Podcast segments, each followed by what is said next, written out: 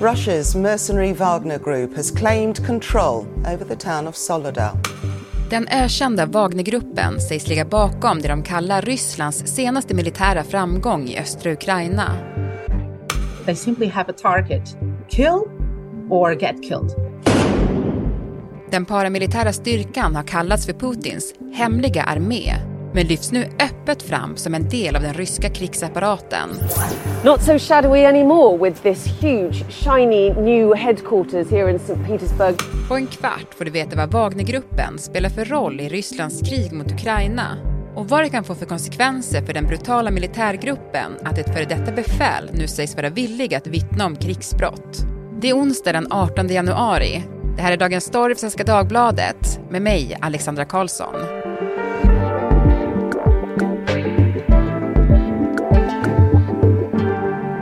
Jesper Sundén, du bevakar utrikesfrågor här på Svenska Dagbladet. Hallå!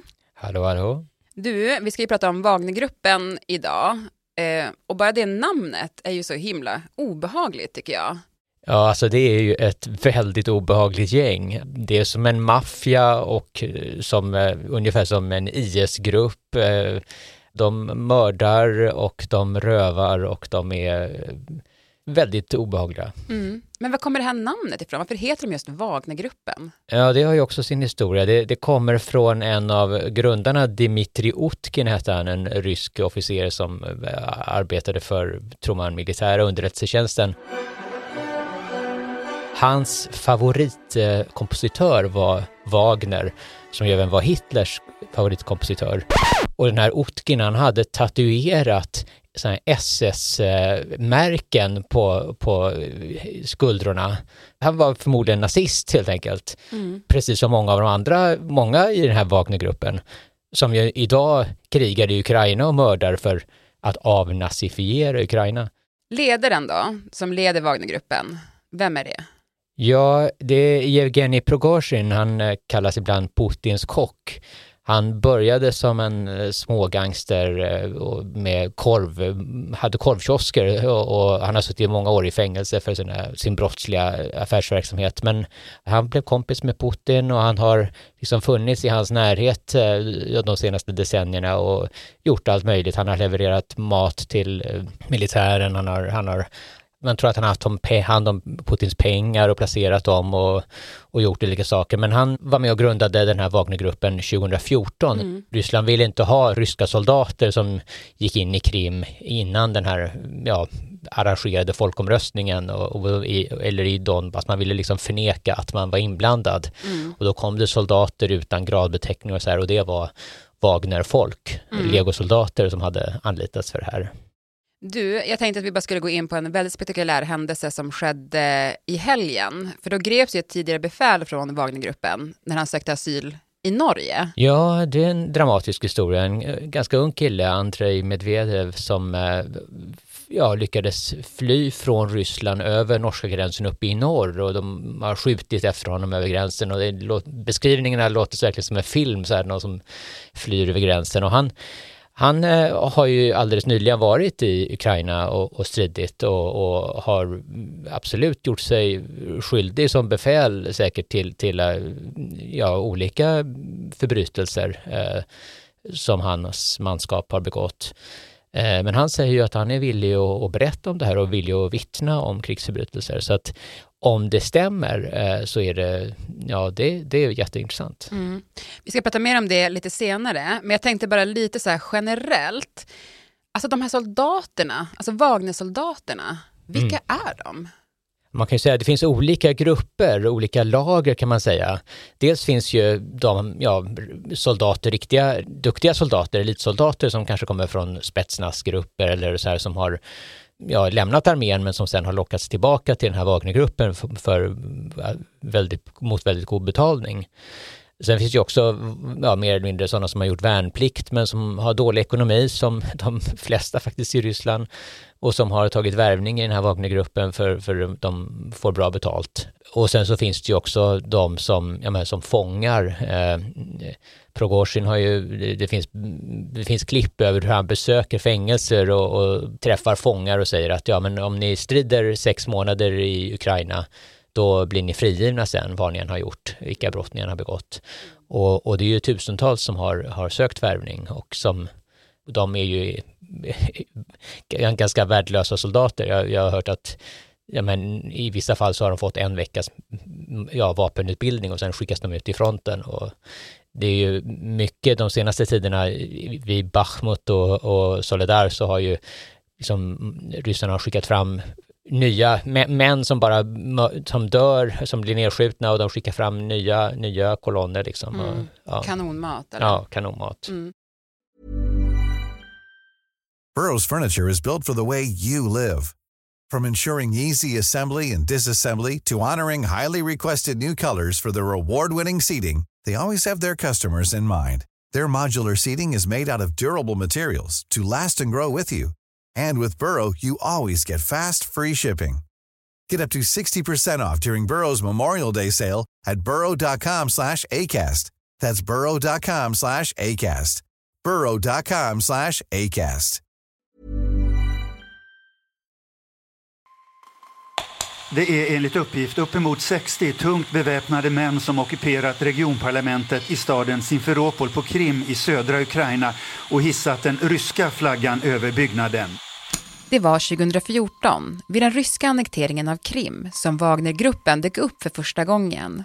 Män i gröna, omärkta uniformer som inte visar några som helst tecken på var de kommer ifrån intar flygplatser och parlamentsbyggnader på den ukrainska halvön.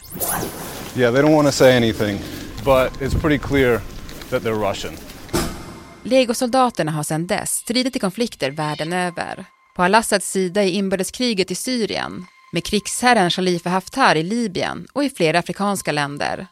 Wagnergruppen är ökända för sin brutalitet och anklagas för krigsbrott i form av våldtäkter, tortyr och utomrättsliga avrättningar.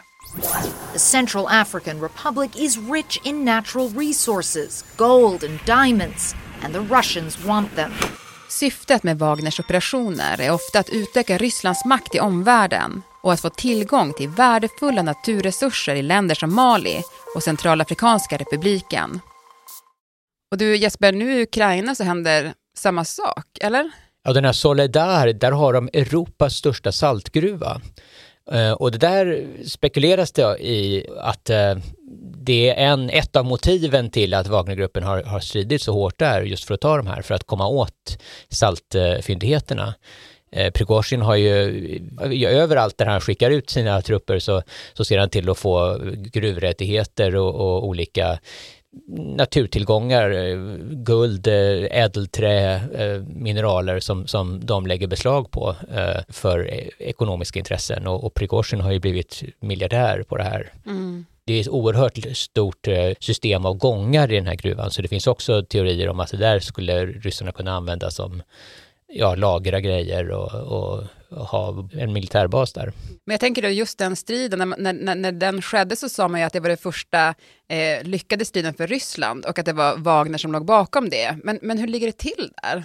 Ja, Wagner, de gick tidigt ut och sa att vi har tagit eh, Solidar och det är en liten ort, de hade 10 000 invånare före kriget, men det är symboliskt så är det jättestort för det är den, största, det är den enda framgången på sex månader som Ryssland har haft. Sen har det visat sig att ja, eh, det var inte riktigt så att de hade tagit kontroll över Soledar, så att eh, det var inte sant när Prigozjin gick ut och sa det. Och sen så protesterade eh, ryska militärstaben, för de sa, ja men det är inte Wagner som har befriat här, det är ju ryska, ryska armén och Wagner har varit med och, och sen har det varit lite olika turer fram och tillbaka och vid ett tillfälle så, så hyllade ändå militären Wagnergruppen för deras insats. Men sen har det ändå varit lite gnissel för, för Prigozjin, han, han vill ta åt sig hela äran. Det är mm. liksom Wagner som har gjort det här. Och det, det går inte armén, staben med på, för det har ju varit armén, bara varit där också. Mm. Och sen är, är det faktiskt så att hela Solidar verkar faktiskt inte vara intaget. Det finns fortfarande ukrainska soldater där, men, men ryssarna har nog tagit över större delen. Mm. En sak som jag har tänkt på är att det officiella Ryssland har ju tidigare förnekat kopplingen till Wagnergruppen. Ja. Men nu gör de inte det längre. Nej, nej, de, det är ju helt enkelt så att eh, så här, militära privata arméer är ju förbjudna i, i, Ryssland egentligen. Men, men de har ju ändå, med, med Putins goda minne så har ju Wagnergruppen fått, fått vara verksam i, i ja, sedan 2014 då. Eh, och varit i olika delar av världen och, och ja, men ibland transporteras deras vapen med, med ryska arméns flyg och, och de har sin, sin träningsbas in till en militär eh, armébas och så här. Men, men, men nu nu är det väl helt enkelt så att de, Ryssland är så beroende av att få in de här eh, extra soldaterna som Wagner har.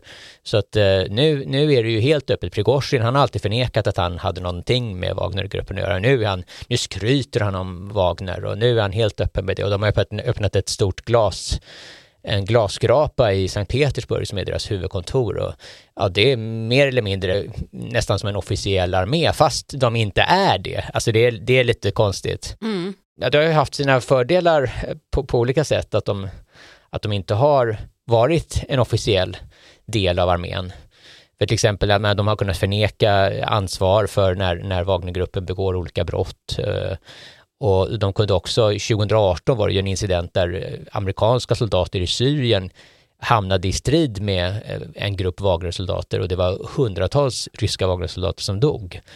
Och då kunde ju liksom Ryssland, nej, de, nej vi, vi, det är inga ryska, ryska armén har inte varit där, vi har inte förlorat någon. Mm. Och då liksom, ja det blev ju aldrig någon grej då för att ja det var inga, det var inga ryska soldater, det var Wagner-legosoldater och då kunde liksom både USA och Ryssland kunde låtsas som ingenting. Men, mm. men ändå helt sjukt faktiskt ja, ja. med historien. Men du, jag tänker, det har ju pratats lite grann om att det skulle kunna bli lite gnissel mellan Wagnergruppen och den officiella ryska armén. Ja, absolut. Det finns en konkurrens. Prigozjin och eh, även eh, eh, Tjetjeniens president eh, Ramzan Kadyrov, de har varit oerhört kritiska mot arméledningen och, och sågat dem jäms med fotknölarna. Och Kadyrov har ju också en, en egen, han har ju en tjetjensk armé också i, i Ukraina. Och det här har ju blivit väldiga spänningar och, och, och liksom konkurrens, vem, vem, är, vem är bäst och vem är sämst och, och högerbloggarna, hö, krigshetsarna på, på sociala medier, de är ju på Prigozjins och, och Kadyrovs sida, de vill ha mer brutalitet och de, de gillar det här mordiska eh, stilen. Men, men nu känns det som att eh, Prigozjin har kanske tagit i lite för mycket. Han har, han har kritiserat eh, ja, armén lite för mycket så att det även stänker liksom på Putin också. Men Prigozjin, han, han vill säkert, han, han har ju liksom arbetat sig upp från den här, från att vara en småbrottsling till att bli miljardär, till att bli en storspelare och han, han vill förmodligen ha ännu mer makt mm. Eh, och inflytande. Men är han fortfarande lojal med Putin?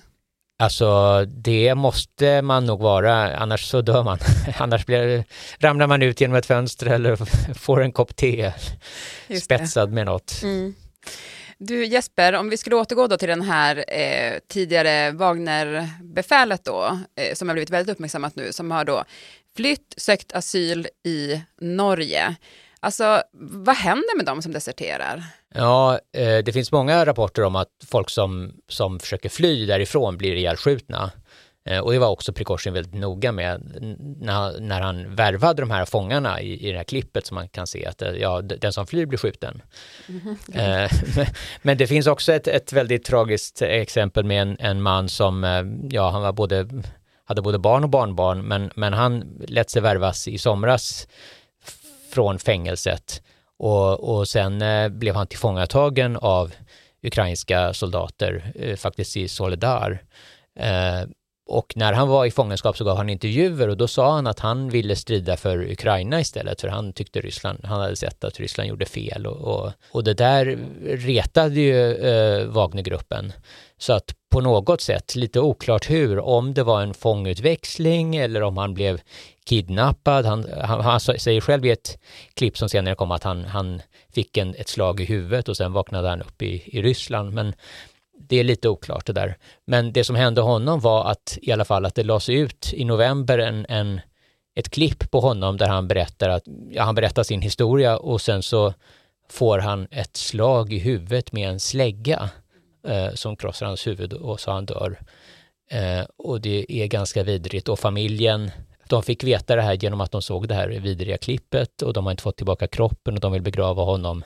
Och det här med släggan, det är någonting som som har blivit lite en symbol för Wagnergruppen. För redan i ja, 2017 tror jag att det var, så, så var det Wagnersoldater i Syrien som eh, ja, de misshandlade en, en syrisk desertör och eh, högg av honom händerna, torterade honom och sen så slog de ihjäl honom med en slägga mot huvudet. Och allt det här filmade de och la ut eh, på sociala medier så att det har blivit en symbol för Wagner. Man ser bilder från, från Ukraina nu också de står med släggor. Eh, och sen eh, någon vecka efter att det här klippet med, med Norsin eh, ja, lades ut på, på sociala medier så skickade Prigozjin en, en slägga med äkta eller inte vet jag inte, men, men en slägga med blod på till Europaparlamentet mm. som skulle rösta om att terrorstämpla Wagnergruppen. Alltså det, det, är, ja, det är som maffia, det är ungefär som att skicka ett, ett hästhuvud. Liksom. Det, mm. det är maffia, det, mm. de är... Ja, det är sjukt. Ja. Men det finns också då en koppling till han som nu har lämnat Wagnergruppen och tagit sig till Norge. Just det, för den, den personen som har tagit sig till Norge, Andrei Medvedev, han var befäl för den här Jevgenij Norsin. Mm. Så han, eh, han kan ju berätta säkert eh, om det. Mm. Men hur jobbigt skulle det vara för Wagnergruppen om han nu då pratar, om han berättar om krigsbrott? Ja, Wagnergruppen, de lägger ut klipp själva på sina brott och de, de, de skryter med hur brutala de är, men samtidigt så är det ju pinsamt för dem att någon som de har värvat eh, deserterar och berättar om, om deras vidrigheter, för det, det skadar ju liksom bilden av Wagnergruppen som, som de själva gärna vill berätta att det är, de är oerhört lojala, de är dedikerade och, och de har redan försökt att, och, ja, förminska det här genom att säga att påstå att han är norrman och att, ja, olika saker. Men, men de skulle säkert gärna försöka mm, bjuda honom på en kopp te med, med något spetsat med något. Mm. Du Jesper, då, till sist, alltså vad tror du att Wagnergruppen kommer ha för betydelse eh, i kriget i Ukraina framöver? Ja, å ena sidan så har de ju haft en, varit med om en framgång nu eh, och ta den här Solidar. Å andra sidan så har de eh, också lidit svåra förluster. Man har förlorat tusentals man och, och har nog ett stort behov av att rekrytera nya personer och, och kanske har Prigozjin tagit i lite för mycket i sin kritik mot eh, Kreml och militärstaben. Hans ställning kan vara osäker. Mm. Han kanske också ska hålla sig borta från te. Ja, precis. Du, tack så jättemycket Jesper för att du var med i Dagens Story. Tack själv. Ryan Reynolds here from Mint Mobile. With the price of just about everything going up during inflation, we thought we'd bring our prices down. So to help us, we brought in a reverse auctioneer, which is apparently a thing. Mint Mobile unlimited premium wireless. Have to get 30, 30, bit to get 30, bit to get 20, 20, 20, bit to get 20, 20, bit to get 15, 15, 15, 15 just 15 bucks a month. So, Give it a try at mintmobile.com/switch. slash $45 up front for 3 months plus taxes and fees. Promo for new customers for limited time. Unlimited more than 40 gigabytes per month slows. Full terms at mintmobile.com.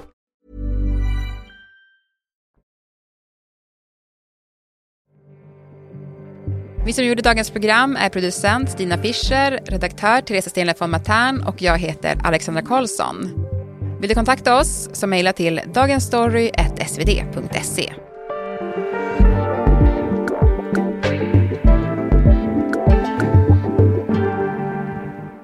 Klippen i programmet kom från BBC, Sky News, Sveriges Radio, Vice och CNN.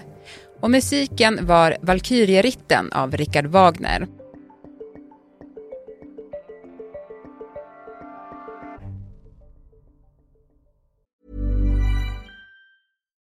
When you make decisions for your company, you look for the no-brainers. And if you have a lot of mailing to do, stamps.com is the ultimate no-brainer. It streamlines your processes to make your business more efficient, which makes you less busy. Mail checks, invoices, legal documents, and everything you need to keep your business running with stamps.com. Seamlessly connect with every major marketplace and shopping cart Schedule package pickups and see your cheapest and fastest shipping options from different carriers with rates up to 89% off USPS and UPS rates. And with the Stamps.com mobile app, you can take care of mailing and shipping wherever you are. Make the same no-brainer decision as over 1 million other businesses with Stamps.com. Sign up with Code PROGRAM for a four-week trial plus free postage and a free digital scale. No long term commitments or contracts. That's stamps.com. Code program.